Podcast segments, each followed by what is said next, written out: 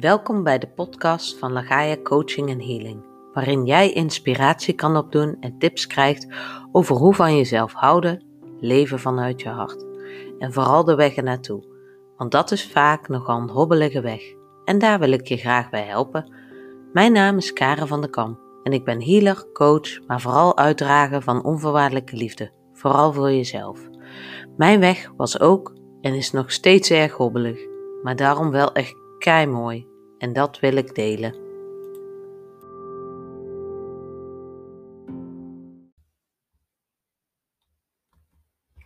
Zo, daar zijn we weer. Fijn dat je luistert. Vorige keer waren we gebleven bij de uienlagen die je afpelt. Zo noem ik ze. De processen waar je doorheen gaat. En elke keer is een proces, is een uienlaag. En dat ik er totaal dus nog geen idee van had dat er na de eerste uienlaag een tweede, en de derde uienlaag kwam. Dat je steeds een laagje dieper en dieper gaat bij jezelf. Net als met een ui dus, vandaar de naam. Doordat er dus een diagnose uitkwam bij mij, chronische bekkenpijn, ben ik door de huisarts naar een revalidatiecentrum verwezen. Begin oktober 2014 zou ik gaan starten. Ik was wel bang dat dit weer puur lichamelijk zou zijn, terwijl ik echt nou net ontdekt had dat er meerdere pijlers waren die zorgden voor mijn pijn. Maar na de intake, soort sollicitatiegesprek, bleek dat dit precies zou gaan aansluiten waar ik al mee gestart was. Vol goede moed startte ik. Deze periode van vier maanden zette door waar ik zelf al aan begonnen was. Een levensverandering. Mijn leven nam een verandering aan waar ik nooit aan gedacht had. Mijn belastbaarheid ging omhoog, ik ging weer sporten, wandelen werd weer mijn dagelijkse bezigheid en mijn leven kreeg fysiek weer kwaliteit. En dus ook mentaal weer meer. Maar vooral mentaal gezien ben ik wel de diepte ingegaan. Wat heb ik hard gewerkt aan mezelf. Samen in de revalidatie, als ook in de behandelingen die ik met de coach deed, heb ik echt hard gewerkt. Ik ben echt zo lief voor mezelf geworden. Dit is dus echt een hele grote les. Lief zijn voor mezelf. Want man, wat was ik altijd hard. Knoerhard voor mezelf. Als ik bijvoorbeeld over mijn grenzen was gegaan, tijdens de revalidatie of een oefening, ik kon mezelf echt de grond intrappen. Zo negatief op mezelf inpraten. Ik werd altijd erg boos op mezelf. Vroeger deed ik hetzelfde, ook in privésfeer, werksfeer eigenlijk altijd. Is natuurlijk ook aangeleerd, maar ik kon ook niet anders. Tot toen eigenlijk. Ik werd liever en liever en zachter voor mezelf. Met vallen en opstaan natuurlijk, want dat ging echt niet in één keer. Volgende keer beter. Ik heb mijn best gedaan. Morgen wordt er weer een nieuwe dag. Dit leverde mezelf zoveel meer op. Boos zijn op mezelf was echt geen goede energie. Het verhardde me heel erg. We leerden ook met z'n allen, door een gymoefening bijvoorbeeld, hoe wij over onze eigen grenzen heen gaan. Dan vroeg de therapeut na een balspel: Wie is er over zijn eigen grenzen heen gegaan? Zag je al die handen de lucht in gaan? Niemand nam zijn break. Niemand gaf zijn grens aan, tot hier. En dus hadden we allemaal later wel wat last lichamelijk. En dit was dus in een spel, niet in het leven als voorbeeld. Ik, om over mezelf te spreken, ging altijd over mijn grens heen. Ik zei altijd ja tegen anderen, durfde geen nee te zeggen, ik wilde anderen nooit teleurstellen. Dit ging over werk, maar ook in privésfeer, in de relatie, in vriendschap. Ook qua lichamelijk eh, gebied ging ik over mijn grenzen. Ik wilde nooit ziek zijn. Altijd mezelf achter de ander zetten. Ik denk dat dit voor velen wel herkenbaar is. Toch? Herkent niemand dit? Ook tijdens groepsgesprekken kwamen er mooie inzichten tevoorschijn. Dit was vaak moeilijk en emotioneel, maar achteraf zo mooi. Ik ben wel echt iemand die zijn emoties altijd laat zien. Kan deze ook niet echt tegenhouden hoor. Vroeger dacht ik dat dat een slecht iets was, huilen dus, of mezelf tonen. Ik herinner me vaak dat ik me verstopte op de wc, huilend, om te huilen als ik verdrietig was of na een zielige film. Tijdens een groepsoefening raakte ik heel erg geëmotioneerd. Ik kreeg het gevoel alsof men niet wilde luisteren naar mijn argumenten voor de oplossing. Later, tijdens één op één met de psycholoog, kwam ik erachter dat ik eigenlijk nooit gehoord ben vroeger, of nooit gezien, en dat ik dat nog steeds erg moeilijk vond. Dat was wel een understatement. Nu vielen er zoveel puzzelstukjes op, op zijn plaats, dat niet gehoord of niet gezien worden was echt zo'n groot ding voor mij. Ik ben zo lang niet gezien of gehoord. En dat kwam dus heel vaak terug als een soort les of gebeurtenis of trigger om er doorheen te gaan. Herken je dat? Wanneer ben jij niet gehoord? Wanneer ben jij niet gezien in jouw leven? En waar triggert je dat? Waar voel je dat? En mag je er nou wel zijn voor jezelf, in je volledige zelf? Of zit er misschien nog wel een stukje? Via via ben ik een andere coach healer tegengekomen die me weer hele grote stappen verder bracht. En dat doe je ook zelf. Hè? Ik ging oude stukken, diepe stukken verwerken uit mijn verleden. Zo bijzonder en zo dankbaar ben ik daarvoor. Zo leerde ik ook meer waar ik vandaan kwam, wat me wel paste en wat me echt niet paste. Zo leerde ik bijvoorbeeld ook meer over mijn vorige levens. Steeds meer kwam ik dichter bij mezelf. Het houden van voelde ik dieper en intenser. Ik leerde Maria Magdalena kennen en haar onvoorwaardelijke liefde. En vanaf dat moment was ik verkocht. Ik leerde wat affirmaties kunnen doen voor. Heb je ooit een affirmatie gehoord en weet je wat het is? Ik hou echt van affirmaties en de werking op jezelf. Ik zal er eens een keertje wat dieper ingaan in een andere podcast. Maar hier is een favoriet van mij. Komt-ie. Ik heel mezelf door onvoorwaardelijk van mezelf te houden en mezelf te accepteren zoals ik wezenlijk ben. Zeg deze maar eens en voel maar wat hij doet. Ik heel mezelf door onvoorwaardelijk van mezelf te houden en mezelf te accepteren zoals ik wezenlijk ben. Voel je iets? Wat voel je? Alles is goed wat je voelt. Alles. Ik word er echt blij van. Tijdens de revalidatie ben ik langzaam weer gaan werken. Met een eigen plan van aanpak, bewust, en dat ging heel goed. Toen ik klaar was met de revalidatie eind januari 2015, was ik echt in balans. Thuis, werk, de pijn was minder. Ik sportte een paar keer in de week en wandelde 2,5 uur achter elkaar. Ik werkte 2,5 uur per dag en reïntegreerde verder om naar 32 uur per week te gaan werken in mei 2015. Toen ik van 4 naar 5 uur ging, werd het al best pittig. Ik heb toen een stretcher meegenomen op het werk, om daar een half uur per dag te gaan rusten. Zie je het echt voor je? Echt waar, was het. Dat was echt, lag ik daar in die bidruimte. Met zes uur werken kreeg ik een slijmbeursontsteking in mijn heup. Tekens, tekens, mijn lichaam gaf me tekens, maar ik, ik luisterde niet. Ik wilde werken. En met acht uur werken zei ik na twee dagen tegen mijn toenmalige man dat het niet haalbaar was. Ik probeerde echt heel zachtjes te zeggen dat het niet ging. Hij probeerde nog om te zeggen om door te gaan, dat na zes weken ik een dag per week vrij kon pakken. De bedrijfsarts zei: doorgaan. Achteraf heb ik me echt blind gestaard op terugkomen op 32 uur per week. De signalen gemist van mijn lichaam. Ik heb toen voor mijn gevoel echt op een kruispunt gestaan en alleen moeten kiezen. Kies ik voor mezelf of ik ga ik er door ten koste van? Mooiste en zwaarste beslissing voor mezelf op dat moment. Even. Ken je dat? Dat elke keer je denkt: Oh, dit was echt wel het moeilijkste moment in mijn leven. Weet jij veel dat er daarna nog weer zo'n moment komt? Ik heb wel vaker voor mezelf gekozen, maar deze beslissing ging nog verder de diepte in. Een week voor de WIA-keuring, toch besloten en nog steeds voelt dit geweldig goed en trots. En ondanks dat het theoretisch een terugval was, voelt dit als een stap voorwaarts. Want als je voor jezelf kiest, dat kan nooit fout zijn. Goed onthouden, als je voor jezelf kiest, kan dat echt nooit fout zijn. Dit is een belangrijke zin. Als je voor jezelf kiest en wat zo goed voelt vanuit jezelf, vanuit je hart, dat is nooit fout, wat de ander ook zegt. Lichamelijk had ik meer pijn, maar mentaal is dit echt een vooruitval. Leuk woord, hè? Zelf bedacht.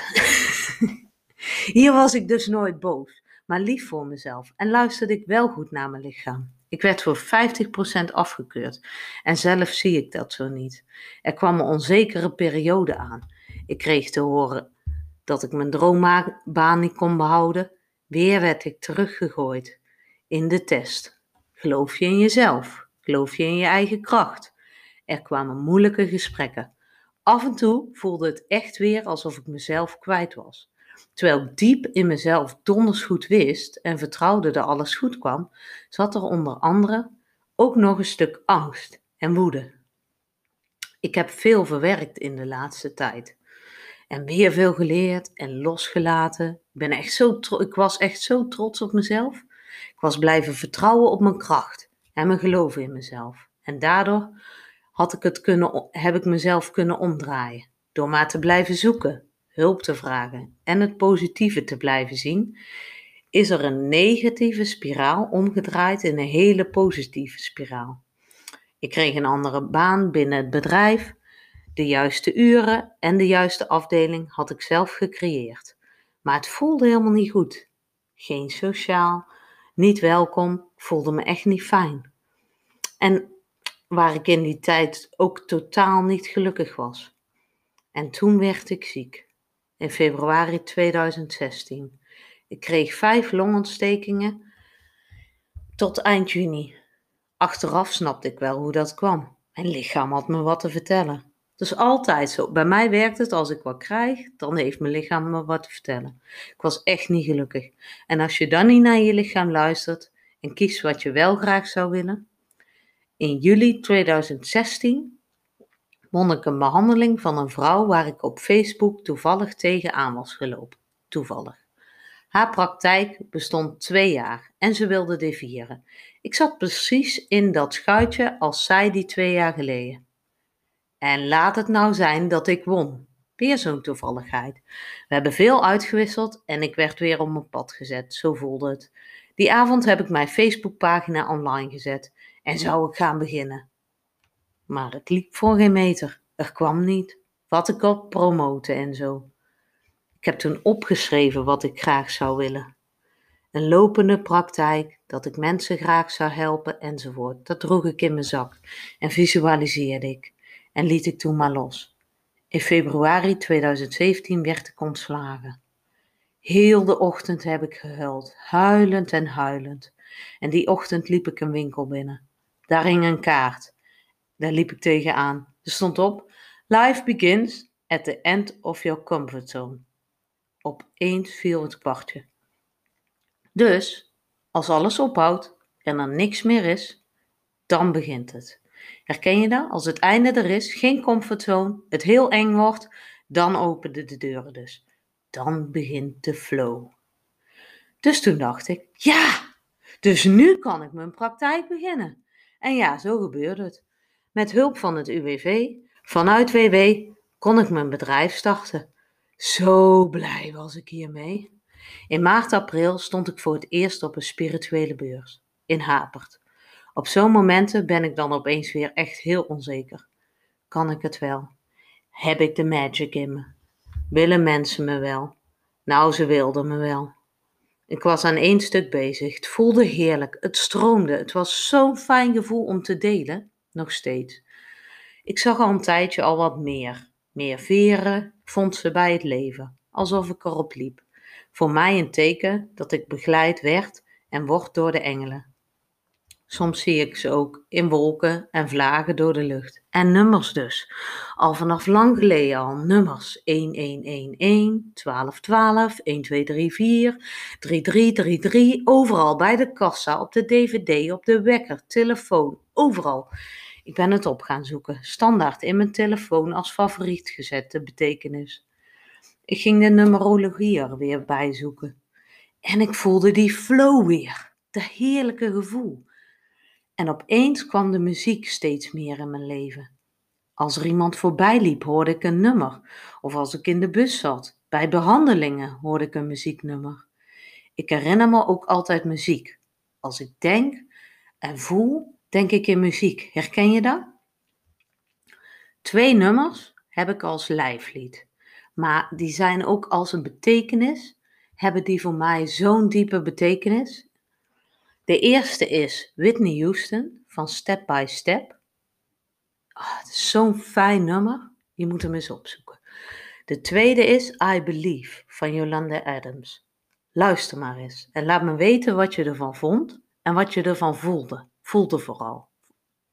Ik ben van het voelen. Ik zal ze proberen in de Spotify-lijst erbij te zetten van Lagaia. In de zomer van 2017 stond ik voor het eerst op een festival in Reuzel, het Chapat Festival. Echt geweldig. Ik stond met mijn Volkswagen busje in de voortent healings en readings te geven en ook nog met edelstenen te verkopen met ondersteuning van een lieve vriendin. Heerlijke energie was daar. En wat was dat fijn om te doen. Zo vrij voelde ik me daar. Bijzonder dankbaar ben ik daarvoor. Op 27 september 2017 opende ik officieel de deuren van Lagaia met familie en vrienden. En vanaf toen liep de praktijk echt zo lekker. Ik zat goed vol elke week. Heerlijk. Toen in december kreeg mijn toenmalige man de vraag om voor een bepaalde tijd naar Amerika te verhuizen vanuit het werk. Hij dacht dat ik niet wilde in verband met de praktijk die zo goed liep en zo en de kindjes. Maar ik geloof dat dingen gebeuren met een reden, welke dat dan ook mogen zijn. Daar kom je vaak later achter. En ik dacht zeker toen we dachten dat we in redding gingen wonen. Ja, dat was geweldig. Dus toen zijn we 1 februari vertrokken met z'n allen naar Redding, Connecticut, twee uur onder New York.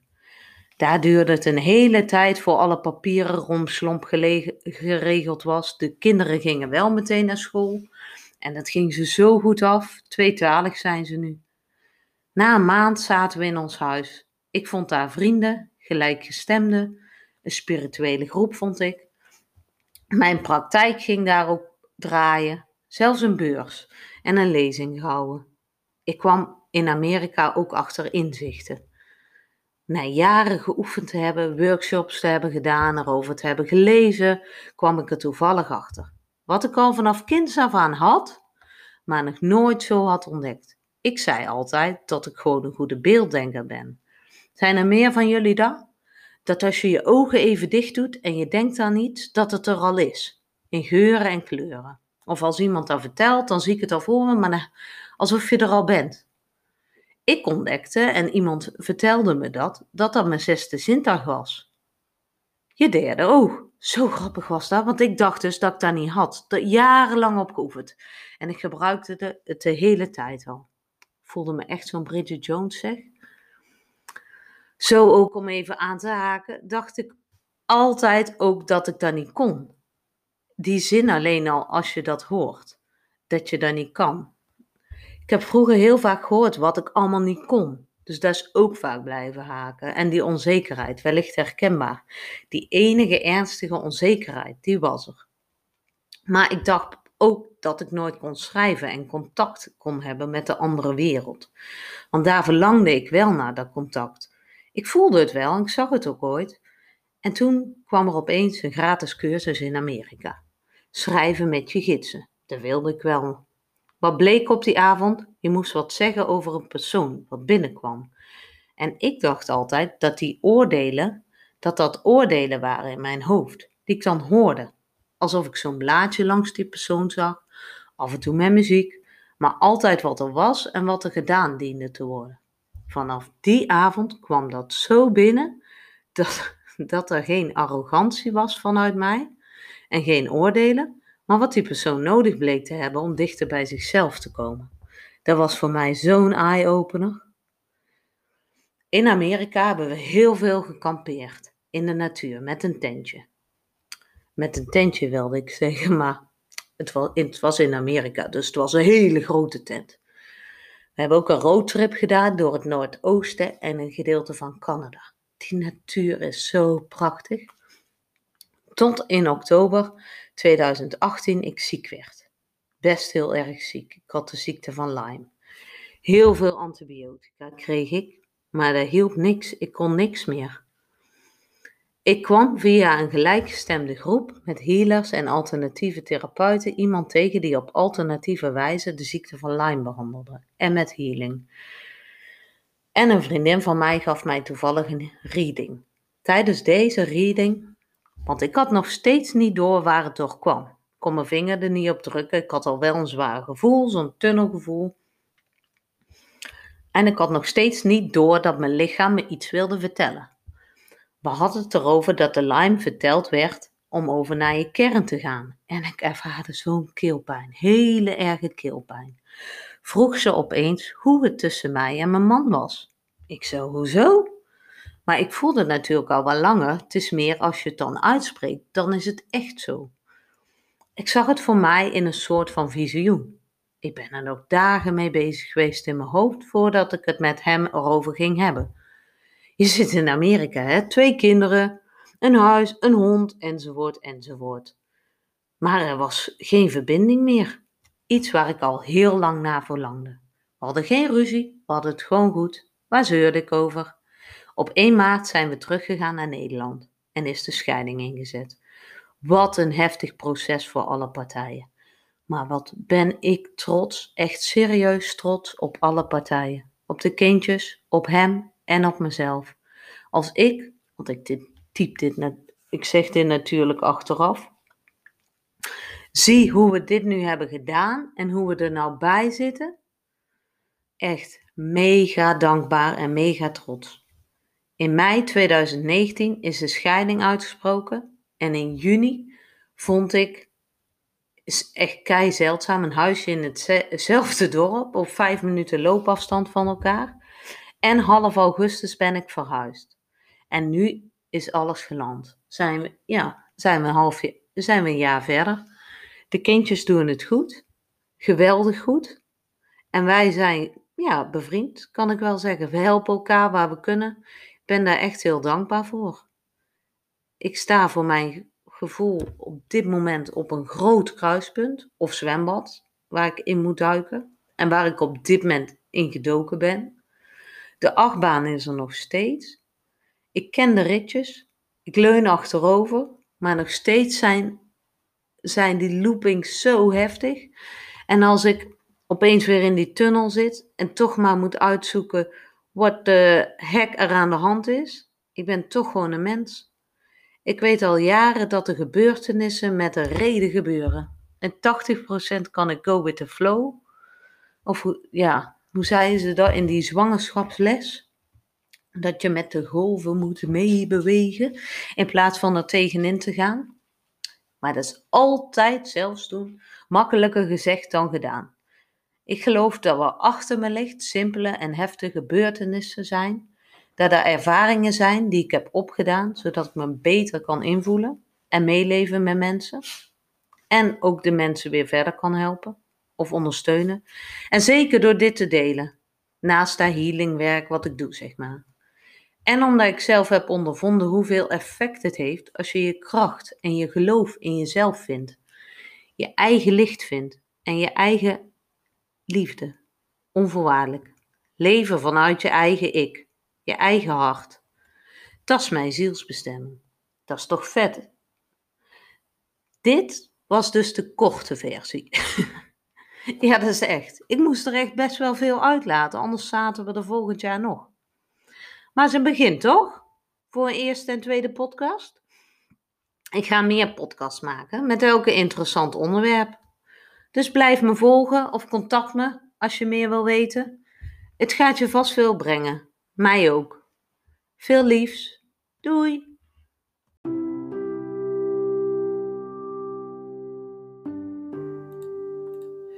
Dit was de aflevering van deze week van Lagais Coaching Healing Podcast. Bedankt voor het luisteren. Wil je me volgen, meer weten of bijvoorbeeld een behandeling? Volg Lagaia's Coaching en Healing op Facebook of Instagram of neem contact met me op. Tot ziens bij de volgende podcast. Liefs Karin. Doei!